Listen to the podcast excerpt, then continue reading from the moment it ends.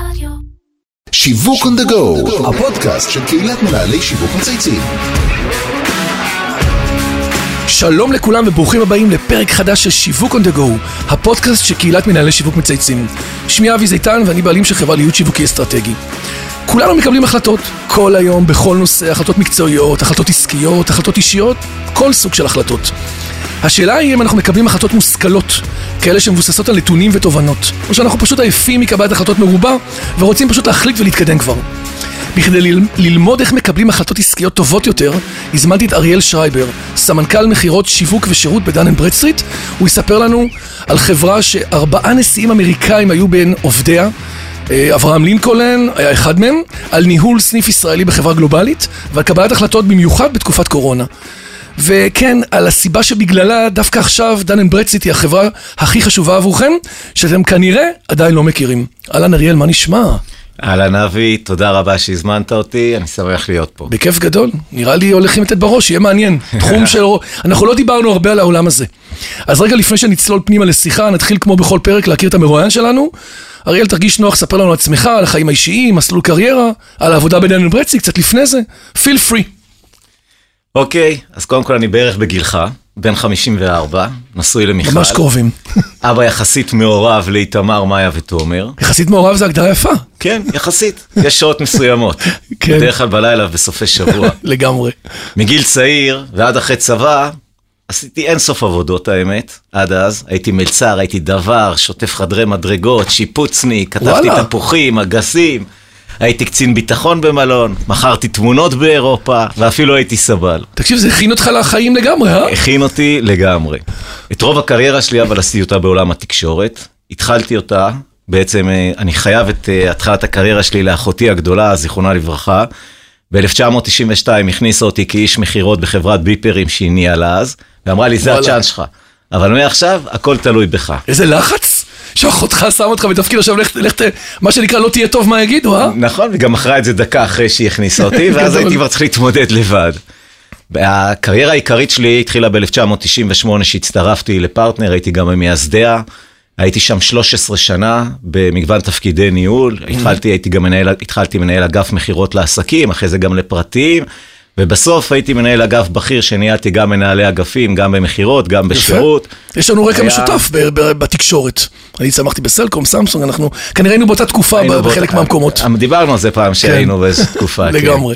ב-2011 אה, עברתי ל- להיות כמנכ"ל לחברת אה, יופון, זו הייתה מפעיל סלולרי. וירטואלי של קבוצת MVNO. הריבוע הכחול, נכון. בדיוק MVNO. הייתי שם חמש שנים, מבחינתי זו הייתה התקופה הכי מדהימה, באמת, מבחינה אישית. כאילו הגדיר לך גם את הזהות המקצועית. להקים חברה מאפס בתחומים שלא הבנתי, טכנולוגיות, כספים, וזה באמת אה, שירת אותי מאוד לכל הקריירה שלי. אה, בסוף גם היינו המפעיל הווירטואלי הגדול בישראל.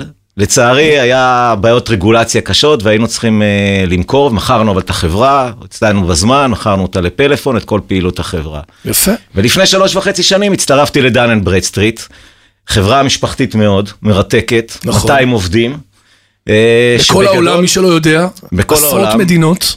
אני תכף אספר כן, כשתשאל כן, אותי. בדיוק, נכון. שבגדול, יום יום מצילה ועוזרת לעסקים. גם יופי. להגן עליהם וגם לצמוח. אשריך.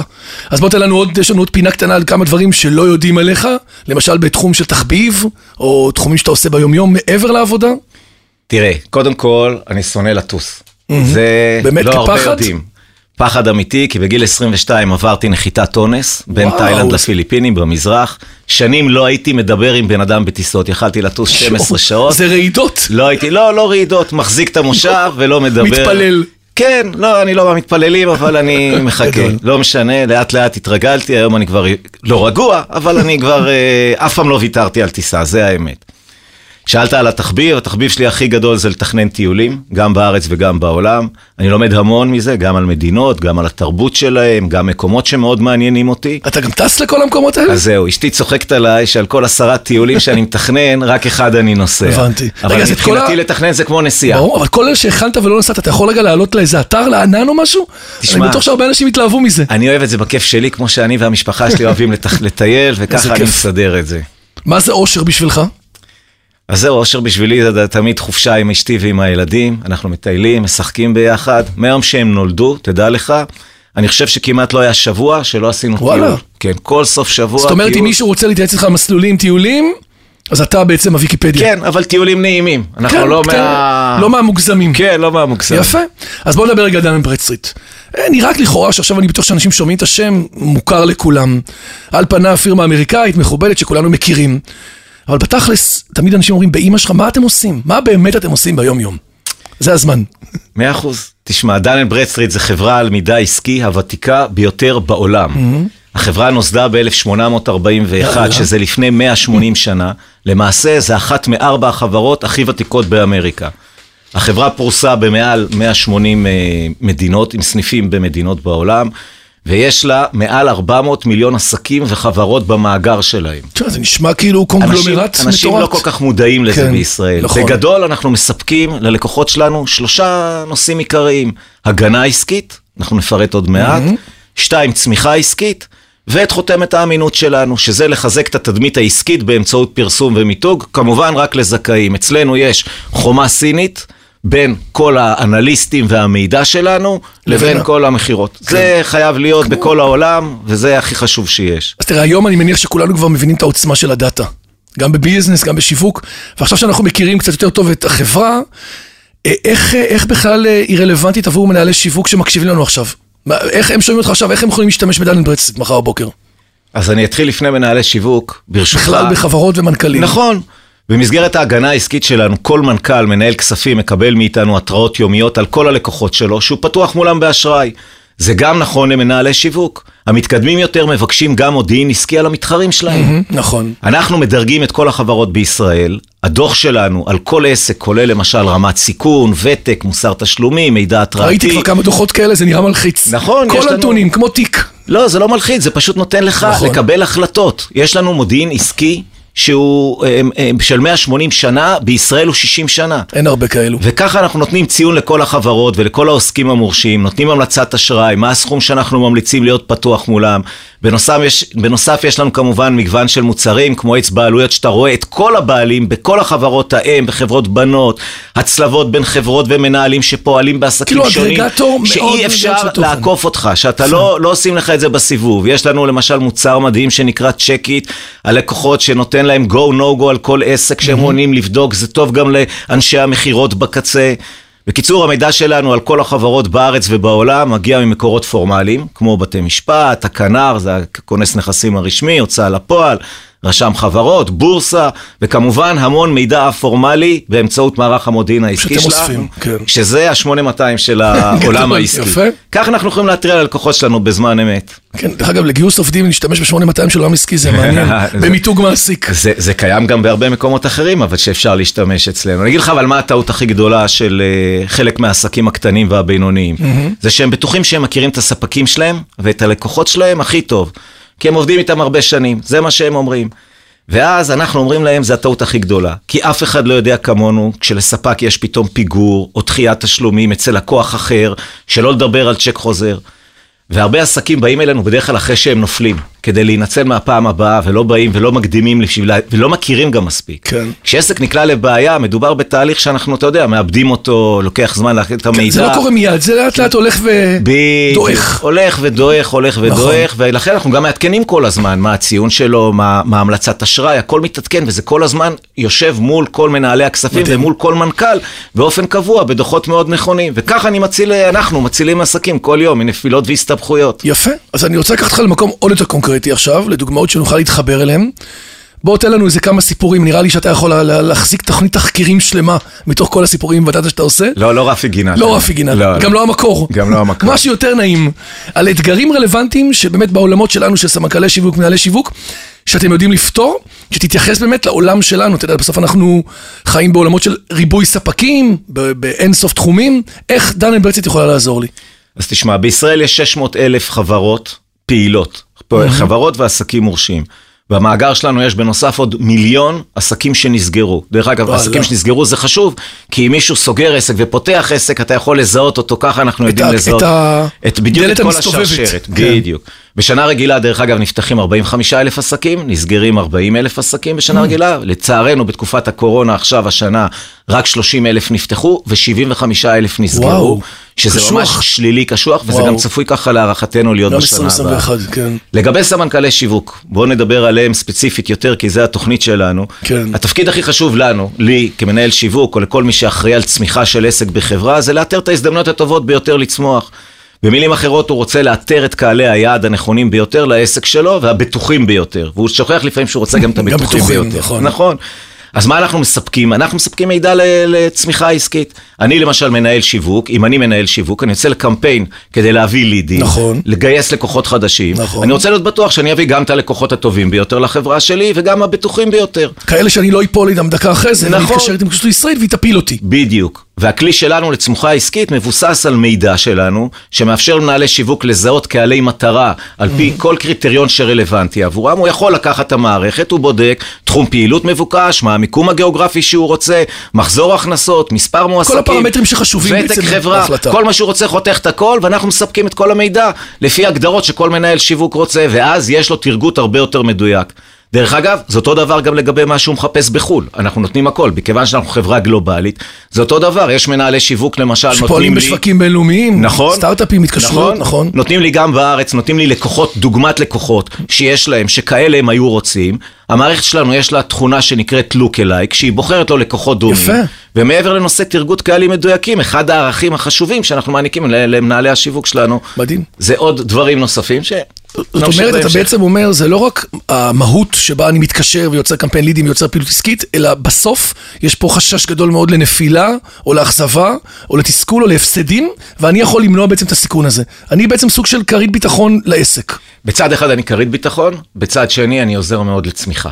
אני עוזר לצמיחה, כי, הוא, כי גם אם אתה, אם הלקוח משלם לך במזומן, זה גם טוב, אתה צריך רק לאתר אותו. נכון. והיכולת לאתר לקוחות פוטנציאליים, במקום להתקשר לכל מדינת ישראל, אתה יכול לטרגט אותם. יפה. אה, אז, אז אני מניח שעכשיו בקורונה זה נהיה עוד יותר קשוח, כמו שאתה אומר, ובעצם עכשיו כולנו בהתקשרויות מבינים שבתקופה הזאת, כמו שאתה אומר, 75 אלף עסקים נסגרו ב-2020. מדהים. זאת אומרת שהכלי הזה שאתם נותנים היום, הופך להיות ההבדל בין הצלחה לכישלון. הוא הופך להיות אקס פקטור משמעותי, גם בצמיחה וגם בשרידות של אלה שכן פעילים. אז תראה, המידע שלנו הוא חשוב כל השנה לכל, לכל העסקים.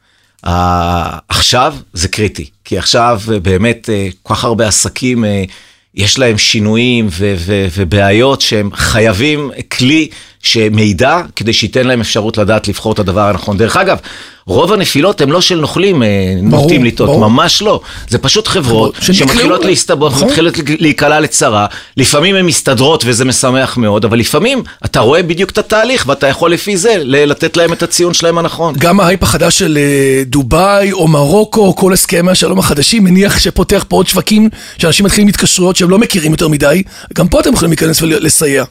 יפה, אז אה, אתה מצחיק, כי אה, הדוגמה שלנו להתרחבות בינלאומית אה, שיש לנו בחודשים האחרונים, כמו שאמרת, היה הרבה רעש והייפ סביב דובאי. ומעבר לזה שהרבה ישראלים מצאו יעד חדש ואטרקטיבי לטוס עליו. ולהפציץ את הפייסבוק. את הפייסבוק שלהם מהבורץ' נכון. חליפה הזה, כן. הייתה גם נהירה של המון בעלי עסקים וחברות ישראליות לחפש הזדמנויות עסקיות חדשות עבורם. ולכן מה שאנחנו בעצם אה, באים ומאפשרים להם לראות את כל הענפים והתחומים השונים שבדובאי, ולשמחתי אנחנו יושבים גם על השיבר של המידע העסקי העולמי, שיש לנו אפשרות לספק לכל אותם ישראלים שמתעניינים בעסקים בדובאי, וכמובן בכל מדינה אחרת. האמת זה גם עובד הפוך, תדע לך. אין כמעט יום שאנחנו לא מקבלים פניות מחברות מדובאי, שמבקשות לבדוק עסקים מישראל, או לבחון את תמונת המצב בענפים שלהם. לגמרי. וזה מדהים. עכשיו, מה שאנחנו מתחילים לראות, וזה אתה תראה עוד מעט, זה כבר ממרוקו. אנחנו, כבר. אנחנו דרך אגב כבר עשינו שיחות גם עם אה, D&B, אה, דן ברדסטריט בדובאי וגם עם דן ברדסטריט במרוקו. עשינו איתם שיחות כדי לזרז, כמו שאנחנו מביאים חיסונים יותר מהר מכולם, אנחנו גם מביאים את המידע יותר מהר מכולם, שיהיה לנו לא, לא, לא, לא דווקא לעבור דרך אה, המסלקה העולמית, אלא ישירות בכל דבר שצריך לחבר בין אנשי ישראל, אנשי עסקים ישראלים. יש לכם כלי שנקרא דאנס 100, שהרבה אנשים שומעים עליו, תן עליו רגע 60 שניות, כי הוא נורא מעניין, בטח בעולמות של דירוגים היום, ובטח בעולמות של הרבה מאוד שווקים שכולנו מחפשים להבין מי, נכון? ישראלים נורא אוהבים דירוגים. אז איך זה עובד? תראה, דאנס 100 זה סוג של חותם אמינות שמחזק את התדמית העסקית של חברות הכי גדולות בישראל. באופן טבעי, אם אה, לקוח ישאל מנהל שיווק בחברה גדולה, או מישהו, אם הוא ממליץ לעבוד עם החברה שלו, כמובן שהוא יענה. שכן, יפה. אבל הלקוחות של היום פחות נאמנים והרבה יותר בררניים ומחפשים כל הזמן להסתכל. חשוב להם לדעת שהם בוחרים נכון עם מי לעבוד, ולכן דן אנד ברדסטריט מדרגת את כל העסקים בישראל, כמו שציינתי קודם, על פי רמת אה, סיכון, ותק, כן. מוסר תשלומים וכולי. ולכן הצמרת העסקית של ישראל זה העסקים הגדולים ביותר, ואנחנו מדרגים תחת המותג דאנס 100. וזה מותג שבעצם נותן ללקוחות את כל הפרסטיג' הגדול, לדעת שהם שייכים למועדון הכי נבחר, שכמו שאמרתי, אה, אה, אי אפשר... ה-Ivy ליג של הכלכלה בישראל. ממש, ממש. יש לנו כמובן גם את חותמת האמינות שאנחנו נותנים ללקוחות אה, קטנים. ובינוניים. שמשתמשים עם זה בתור נכון, proof of- שזה נמצא כן. בדאנס גייד, שדאנס גייד זה המדריך העסקים הגדול ביותר בישראל, ששם אנחנו גם נותנים חותם, חותם אמינות בערך ל-20% מהעסקים שהם נמצאים, והם כולם משתמשים בזה, כי זה נותן להם אפשרות גם דרך המייל שלהם לראות, יש חותם אמינות של דן ברדסטריט, גם באתר שלנו, וגם זה נותן אפשרות לחפש. תבין, יש לנו באתר 600, כמעט 600 אלף עסקים בישראל, שכל אחד יכול מרשים. להיכנס דרך כן, אגב. כן. אתה עכשיו רוצה לחפש, domain. כן, אתה עכשיו רוצה לחפש בית עסק בין ג- ב- ב- בגדרה עד חדרה, או בתל אביב, או בדימונה, אתה מחפש ואתה רוצה לראות, והעסקים האלה עולים, ואתה רואה, גם יש לו חותם אמינות. וחותם אמינות שמבוסס לא על על המלצות, אלא על נתונים על פיננסיים. נתונים אמיתיים. נכון? תשמע, זה באמת אה, מוצר נדיר בימים אלה. תגיד לי שאלה אישית שמסקרנת אותי, איך אתה באופן אישי ומקצועי מקבל החלטות? בסוף הסנדלר הולך יחף, או שאתה גם משתמש בכלים שאתה משווק בעצמך? זה תמיד, אתה יודע, נורא חמקמק אצל מרואיינים, שמגיעים לנושא שהם מדברים עליו, כשזה מגיע אליהם זה קצת שונה. אז קודם כל אתה צודק. באופן אישי, את ההחלטות שלי מקבלת אשתי. ההחלטות זה הכי. בטוח. כן, זה הכי בטוח, וזה עובד טוב כבר 23 אתה אומר, if it- שנה. works, don't change it. לגמרי. כשהיא צריכה, היא מתייעצת איתי, כן, יש לנו כל יום בדרך לעבודה איזה חצי שעה שיחה אה, על יפה. נושאים של המשפחה, מקפידים על זה. אבל באופן מקצועי כמובן שאני משתמש בכלים שלנו, לגמרי לגמרי לא הולך יחף, אני גם משתמש בכלים של דן אנד ברדסטריט, עוד שהייתי בחברות האחרות, אין דרך אחרת. כל לקוח שלנו נבדק מה מצבו, ובהתאם לכך אנחנו קובעים את כל תנאי התשלום אצלנו. ואם למשל לקוח עם סקור נמוך, המלצת אשראי עליו אומרת מזומן בלבד, אז אנחנו נבקש ממנו מזומן, ואם הוא לקוח שאין בעיה, אז ניתן לו כמה בקיצור, תשלומים. אתה מכיל שצריך. על עצמך ועל העובדים שלך את אותם כללים דרך אותם מערכות. לגמרי. כשאנחנו עושים קמפיין שיווקי, וזה נכון גם למנהלי שיווק, אני משתמש לגמרי במאגר שלנו, לדייק את הקהל היעד. לפי כל קריטריון רלוונטי, בוחנים איזה קהל רלוונטי, נגיד עסקים בתחום המזון, רואה חשבון, ייצור, יבוא, ייצוא, מחליט על איזה אזור, מאיזה גודל חברה, מה מחזור הכנסות, מריץ במערכת ומקבל קהל יעד מדויק.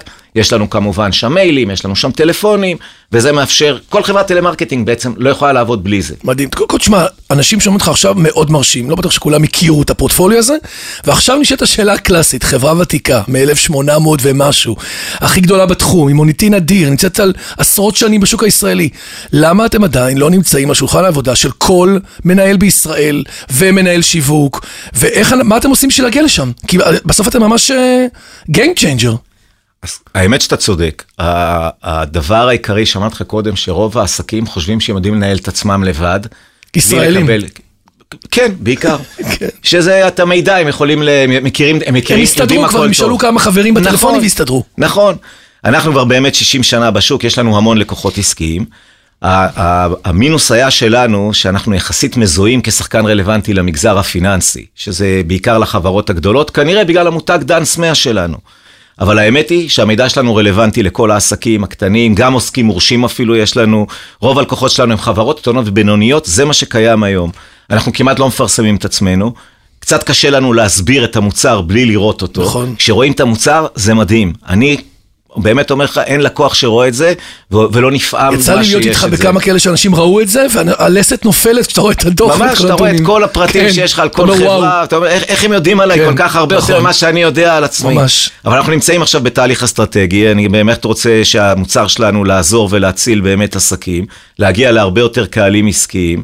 ו- ואנחנו מאמינים שזה באמת יעזור במשק הישראלי, לחברות לנהל את עצמם בצורה לגמרי. נכונה. ואני אפילו יכול להגיד לך באופן אישי שיש לי כמה חברים עכשיו שעסקו בכל נושא של שכירות דירה, אתה יודע, וכאלה, הלכו לקפטן קרדיט, עוד מוצר מאוד מעניין שלכם, שבאמת מייצר credit scoring אמיתי, וקיבלו תשובה אמיתית, האם הלקוח הזה שהם הולכים להשכיר דירה לכמה שנים, אתה יודע, האם יש לו חשבון מוגבל, חזרו הצ'קים, זה בסוף, אתה יודע, אלה הם. חיינו. אנשים לא מבינים, בארצות הברית למשל, אף בן אדם לא מקבל קרדיט אם הוא לא מראה את הקפטן קרדיט שלו, אצלנו זה נקרא קפטן כן. קרדיט. זה אפליקציה שכל אחד יכול להיכנס והוא רואה איך הבנקים רואים אותם. איך קפטן- הוא נראה בעיני המערכת הבנקאית? איך הוא נראה בעיני המערכת הבנקאית, יש שם את כל הנתונים שלו נכון. והכל. למערכת הבנקאית כמובן שהוא צריכים, צריך לתת אישור למישהו שיראה את זה, אף אחד לא רואה את זה. נכון, גם. אנחנו לא רואים כן. את זה, זה הכל בא כן, מנתוני בנק ישראל, כן. נכון, אבל הוא יכול לראות בדיוק איך הוא נראה. זו אפליקציה שנותנת לך בדיוק להסתכל, בעתיד הלא רחוק, לפי זה יקבעו, דרך אגב, כבר היום נותנים משכנתאות לפי זה. אתה חייב לחתום כדי לראות, ואז נותנים לך משכנתאות. זה נותן לך יותר טוב לעבור בין ספקים, דרך אגב, גם לקוחות טובים וגם לקוחות שיש להם יותר בעיות. עכשיו, כשהוא יכול להראות את זה, אז התחרות עליו היא הרבה יותר גדולה. נכון, משני הסגמנטים. בשני אגב. הסגמנטים, ואנשים לא מנצלים את נכון. זה, הם הולכים רק לבנק שהם מכירים, והבנק שמכיר אז תמיד ייקח להם מנצל קצת את יותר. העובדה שהם תקועים שם. נכון. אז לפני שאנחנו עוברים לשאלות הקבועות שלנו, אני סקר לשמוע על העתיד של הדאטה לפי דן ברקסיט. מה הדבר הגדול הבא בתחום שלכם, בהסתכלות לשנה, שנתיים הקרובות? אז כמו שאני אמרתי, המשימה העיקרית שלנו היא לסייע לכל העסקים בישראל באמצעות המידע. יותר מזה, ברור לנו שקבלת החלטות לא מתקיים רק במגרש ה-B2B, שזה התחום העיקרי שלנו. אתה צרכן, תרצה לעשות בר מצווה או חתונה, אמרת קודם, או לילדה שלך, נכון. או תרצה אולם חתונות. לגמרי, אם אירועים, לו- הוא משלם איזה 100,000 שקל אז אתה תוכל. לדעת אם יש לו חתונה. רישיון, ואם נכון. הוא בסדר, ואם חזרו נכון. לאולם צ'קים, ואם הוא מסובך בתביעות משפטיות, הכל תוכל להיכנס דרך המערכת. כמובן שיש לנו עוד אוקיינוסים כחולים שאנחנו רוצים להיכנס אליהם, אתה תרצה לקנות דירה מקבלן, שכבר היום יש לנו את כל המידע הזה. כן. אנחנו צריכים לדעת להנגיש אותו בצורה נכונה, אז לראות אם זה קבלן טוב, אם הוא, אם, אם, אה, מה המוסר תשלומים של, מה המוסר של החברה, אם החברה עובדת בסדר, אתה רוצה לשכור שירותי עורך דין, יועץ פיננסי, מצוין, תבדוק בקיצור, לא. מקבלים החלטה בדן ברדסטריט. יפה, לא מקבלים החלטה בלי דן אנד ברדסטריט בשביל לשמור עליך. יפה. טוב, אז עכשיו אנחנו עוברים רגע כיוון, וטיפה מדברים עליך. אנחנו נוהגים לשאול, אני תמיד נוהג לשאול כל אורח אצלי על דברים שהוא היה עושה אחרת. אתה יודע, אנחנו לומדים, מנהלים, מקשיבים, שומעים. אין סוף. היום כולם היו עד, עד לפני כמה שנים רק משוויצים בהצלחות, אבל אנחנו מבינים שכישלונות בצד ההצלחות בונות ומ, ומלמדות. במבט לאחור שאתה מסתכל על הקריירה ועל תפקידים שביצעת לא מעט, כמו שסיפרת, יש דברים שלמדת, שאתה חושב שכדאי לשתף את המאזינים, תובנה אחת מעניינת שלקחת. תשמע, אני מגיל צעיר רציתי לנהל. האמת שממה שאני למדתי, 95% מהאנשים מעדיפים להיות מנוהלים. גם אם הם אומרים אחרת, זה נכון. יותר נוח להם בחיים. נכון. ניהול בעיניי זה ממש מקצוע. נכון שיש תחומים ספציפיים, אבל בגדול זה מקצוע שאתה יכול גם להעביר אותו ממקום למקום. מבחינתי, קודם כל זה לבחור, בתפיסה שלי, לבחור את המנהלים הכי טובים, הכי חזקים בתחום שלהם, שלפחות חלקם יוכלו להחליף אותי בעתיד. ככה אני מבטיח את ההצלחה של החברה, ואני גם מאמין. שככה אני מבטיח את ההצלחה שלי. המטרות שאני תמיד רואה לנגד עיניי במקום העבודה, זה הדבר הראשון לעמוד ביעדי מכירות. כי אתה יכול להיות הכי טוב לעובדים, כולם יהיו מרוצים, כולם זה, אתה לא עומד ביעדי המכירות וההכנסות, שלום אתה לא ביי. רואה, אפשר לסגור את החברה. נכון. לכן זה הדבר הראשון. הדבר השני זה לגרום לשביעות רצון עובדים. כי ככל שיש יותר שביעות רצון לעובדים, אז בסופו של דבר התפוקות שלהם יותר והם יותר מרוצים. כל כך נכון. והדבר השלישי הוא כל הזמן לתכנן קדימה. אני לא רואה משהו אחר שאפשר, אם אתה לא חושב, אתה לא מנסה לראות איך אתה יכול להתקדם ולא לקפוא. אתה יושב במקום, טק, הגבינה שלך זזה. בשניות, אה? בשניות. מדהים. התפקיד שלי, כמו שאני רואה אותו, דרך אגב, זה לתת שירות. אני ממש רואה את עצמי נותן שירות לכפיפים אליי, אני מלמד, חשוב לי ללמד כדי שאנשים יהיו יותר מקצועיים, להסביר להם משקיע שם. הרווחיות, האסטרטגיות, הטקטיקות. אני, אישית שאלת אותי, עשיתי המון טעויות. באמת, הייתי עושה המון דברים אחרת אם הייתי מתחיל היום את הקריירה שלי עם מה שאני יודע היום. אבל השתדלתי ללמוד מכל טעות, והשתדלתי גם לא לחזור עליה. אתה יודע, זה ההבדל כמו לא, ילד לא לחזור עליה. זה המסר המרכזי. ממש. זה כמו ההבדל לדעתי בין ילד למבוגר. בעיניי ילד, בעיניי מבוגר זה ילד עם ניסיון. לגמרי. אבל אם לא תעשה טעויות, איך תרכוש ניסיון? לגמרי, לגמרי. כשאתה מסתכל הרבה פעמים, נכון, אתה חושב על זה, אתה אומר, אם הייתי היום ביופון עם מה שאני יודע היום, בואנה, הייתי מעיף את הדבר הזה, עושה דברים נניח אחרים, או... כל הזמן גם מקום, מסתכל אבל- אחורה. אבל לא הייתי כן. נהנה, לא היה תמימות. לגמרי. בכל מקום, אין לך. את התמימות. הבאת את הראשוניות. נכון. תגיד, אם אתה היית מותג, עכשיו אנחנו עוברים רגע, איזה מותג היית בוחר באנלוגיה? מה המותג שלך בקיצור? מי, אם היית מותג, איזה מותג היית בוחר? שאלה טובה. היא אומרת משהו עליך, כשאתה בוחר את זה. ונראה לי שאנחנו מתקרבים חזרה לעולם הילדים, לא? כן. תראה, אה, אה, אני, אני אגיד לך, אם אני הייתי צריך מותג שהייתי רוצה להידמות לו, בסדר? לא, כן, לא כן, רוצה להיות יומרני. או השראה ממנו. שאתה מאמין בו. אני הייתי בוחר בלגו. אני אספר לך, אגיד לך? גם למה. מעצם המהות לגו כמותג זה משלב גם דמיון ויצירתיות שהייתי רוצה מאוד להיות במקום הזה. מצד אחד, מהצד השני זה כל הזמן לפרק את עצמך מחדש ולהרכיב אותך. אני. חושב שכמנהל פירקתי והרכבתי את עצמי מחדש לא מעט פעמים, לא רק בגלל המעבר בין התחומים, אלא בעיקר בגלל, בגלל הקצב המטורף של העולם הניהול שאתה חי בו, שאני חי בו בעצם כל חיי. אני מאמין שכל מנהל, ובטח כשמדובר על מנהל שיווק, התהליך הזה של פירוק והרכבה עצמי הוא בגדר חובה. דרך אגב, לא צריך לשנות הכל, לא צריך כל פעם לעשות את זה משודרג יותר. אחד הדברים שמעניינים, דרך אגב, במותג הלגו, אה, אפרופו פירוק והרכבה, זה האופן שהמותג הזה שהיה על סף גסיסה ממש, מה זה כיסא? כבר גם הספיד הצליח אותו נגמר. להמציא את עצמו מחדש, נכון. ובשנים האחרונות ממש עובר רנסאנס. תראה מה קרה לחברות המצלמות הגדולות. כן, איפה הם? נמחקו. איפה קודקים? איפה... נעלמו, לא ידעו מה לעשות. בלוקבאסטרים, אתה זוכר? ממש, כל רגע, החיבור. של לוגו המשמעותי היה חיבור לכל העולמות של הקולנוע ושל הסדרות. פתאום נהיה, אתה יודע, כל ה... אתה רואה פתאום את הרנסאנס גם דרך סדרות טלוויזיה ומותגים של ילדים, שלגו בעצם מפתחת עבורם סדרות. לגמרי. ואז הם נהיו רלוונטיים לא רק לקוביות הבסיסיות, אלא גם לתוכן חדש של, של ה-Y וה-Z וכל הדברים האחרים. אז זהו, אני מניח שיש לכם גם איזה מיינקראפט בבית, לא? או כל מיני כאלה פלייסטיישנים. תבין שהיום לגו עושה איתם שיתופי פעולה, שזה מעיף אותם למעלה. תשמע, אני רואה את הקצב שהילדים שלי משחקים בכל כן. הדברים האלה, וגם את שעות, שזה מוציא אותי מדעתי, אז אני מעדיף לא להתקרב לזה, ואני רק מפעם לפעם מנסה לראות בכדורגל, פעם אם הייתי יכול לנצח אותם, במשחקים האלה אין סיכוי. לגמרי. אריאל שרייבר, סמנכ"ל אגף מכירות, שירות ושיווק, עשינו את הפכתי את הזה, של דן ברדסיט בישראל. It was a pleasure. פתחת לנו צוהר לעולם מאוד מעניין. אה, אתה רוצה להגיד משהו לסיום? רוצה להגיד לך תודה רבה, היה לי עונג רב להיות כאן, ואני מקווה שמשהו ממה שאמרתי יתרום לאחרים. אני הקשבתי לכל האחרים שהיו פה, יפה. כל אחד אפשר ללמוד משהו. לגמרי. אני גם בטוח רבה. שאנשים ששמעו עכשיו אותך ומקבלים החלטות אה, בזמן הקרוב, בטח בשנת 2021, שהיא שנה לא טריוויאלית, מבינים את היכולת שלך ושל הארגון שלך לעזור ולתמוך בהם, ואם הצלחת להציל עסק בישראל, אחי, אז אה. דיינו, לא? מצווה לגמרי, גדולה. לגמרי. עד כאן שיווק on the go להיום. אני רוצה להגיד תודה לכל מי שהשתתף והוביל את הפרויקט שלנו, לאמיר שניידר, לירן פורמה וטל ספיבק מצייצים, דרור גנות מאדיו, ספוטיפיי, ואיתי סוויסה שמארח אותנו באולפני ביזי. מאחל לך ולכולכם להמשיך אה, לחשוב יצירתי, ואתה יודע, לייצר את השורה התחתונה, כמו שאמרת, בסוף אנחנו צריכים לספק אותה, זה התפקיד שלנו. זה התפקיד שלנו, אנחנו מחכים לכולם. תודה רבה. תודה רבה לך.